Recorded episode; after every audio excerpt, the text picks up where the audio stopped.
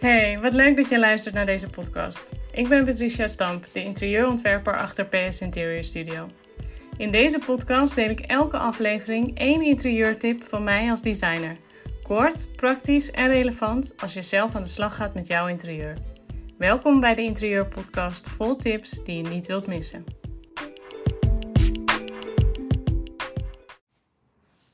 Hey, wat leuk dat je weer luistert naar een nieuwe aflevering. Ehm, deze nieuwe aflevering heeft helaas wel iets langer op zich laten wachten dan de bedoeling was. Maar vanaf nu zal ik jullie weer wekelijks voorzien van tips. Uh, het maken van een nieuwe online cursus had even al mijn aandacht nodig. Het wordt echt onwijs tof. Uh, video's vol tips en ik ben nu de aanvullende informatie voor jullie aan het uitwerken. Zodat je echt eindigt met um, jouw concrete en persoonlijke interieurplan klaar om uitgevoerd te worden. Ik kan echt niet wachten om het in oktober met jullie te delen. Um, maar er is ook nog een heleboel te doen. Dus dat ben ik nu allemaal aan het doen. Maar vandaag behandel ik de podcast uh, met jou weer even één concreet onderwerp. Uh, ik krijg de laatste tijd namelijk meer vragen over ruimtelijkheid. En hoe zorg ik ervoor um, eigenlijk dat je die ruimte zo optimaal mogelijk benut. Uh, maar met name ook die rust en ruimtelijkheid uitstraalt. Allereerst is het daarvoor uh, belangrijk dat je een goede indeling hebt. Dus een indeling die past bij de manier waarop jij leeft. En daarmee bedoel ik dat je goed hebt nagedacht over hoe jij de ruimte wil gebruiken, maar ook met wie jij de ruimte gebruikt en wat je daar dus voor nodig hebt. Zijn er bijvoorbeeld genoeg zitplaatsen voor deze ruimte zoals je hem wil gebruiken? Immers, als je allemaal heel dicht op elkaar moet zitten, uh, zal het nooit ruimtelijk aanvoelen. En is er genoeg opbergruimte voor alle spullen die er nodig zijn? Als in de praktijk namelijk blijkt dat overal spullen liggen vanwege de beperkte ruimte, zal het ook nooit ruimtelijk aanvoelen, ongeacht het aantal vierkante meters. En dat is super persoonlijk. Um, dit hele stuk is super persoonlijk. Wat je nodig hebt en um, met wie je de ruimte wil delen, maar ook uh, hoeveel spullen je hebt en wat je daar weer voor nodig hebt.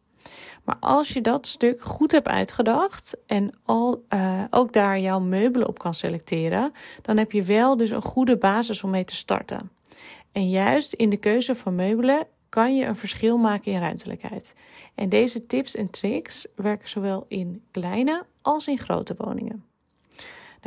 Als het gaat om ruimtelijkheid, is het met name het oog dat als eerste rust wil ervaren. En vervolgens wil je je moeiteloos door die ruimte kunnen bewegen. Belangrijk aandachtspunt eh, zijn dus de zichtlijnen.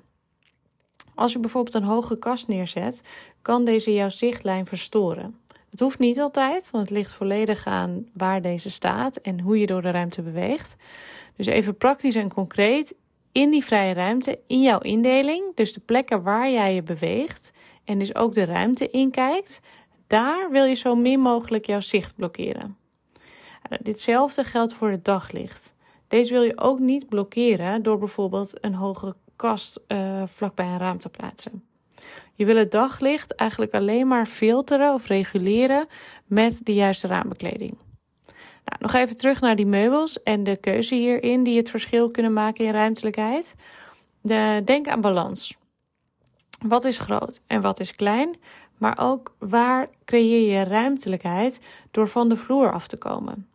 Een voorbeeld is een dressoir. Die kan je gewoon op de grond zetten. Um, maar door uh, daar wat hogere pootjes bijvoorbeeld onder te plaatsen, wordt hij eigenlijk veel slanker en kan je er ook onderdoor kijken.